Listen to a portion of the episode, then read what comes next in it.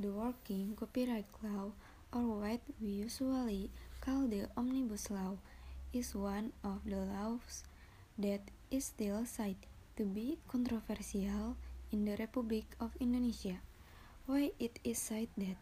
Because in the Omnibus Law, it has a positive impact and a negative impact felt by the community, especially for entrepreneurs, laborers, and other workers.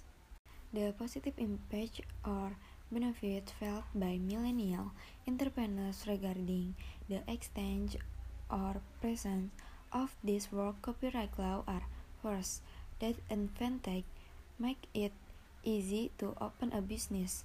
To ease of opening a business to the millennial generation or to millennial is one of the positive impacts that are derived from the presence of this work copyright law. Why is that? Because in the work copyright law, that is an easy way to certify or create a business with is by the government. In addition, in the work copyright law is also mandatory to recruit foreign workers, which is where that has a positive impact on millennial entrepreneurs because millennial entrepreneurs need natural resources who are superior so that the presence of foreign workers is able to increase business production that is even better. In the work copyright law, there is also support or effort to eradicate illegal fees so that millennial entrepreneurs can feel the positive impact namely that they can avoid losses. Why is that?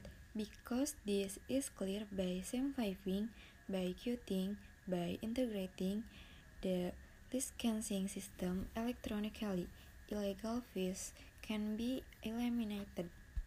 In addition, the work copyright law also includes additional hours of overtime with long leave removed for employees.